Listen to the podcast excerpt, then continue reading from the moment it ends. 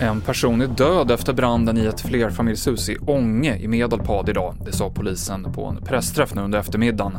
En person vårdas på Sundsvalls sjukhus med allvarliga skador och det har inletts en förundersökning om allmänfarlig vårdslöshet. Det brann kraftigt i huset och enligt räddningstjänsten så var det kaotiskt på platsen när de kom dit. En ny coronavirusvariant med ovanliga mutationer har upptäckts i Sydafrika och det har fått flera länder i Europa att stoppa inresor från flera länder i södra Afrika.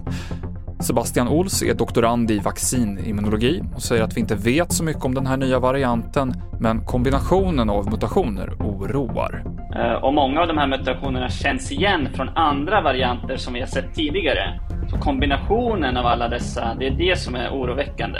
Fast vi vet fortfarande inte vad den här kombinationen gör, om det faktiskt gör viruset mer smittsamt eller inte.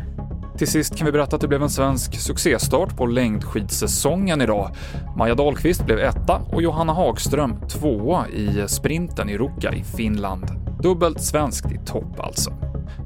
Fler nyheter finns i appen TV4 Nyheterna. Jag heter Mikael Klintevall.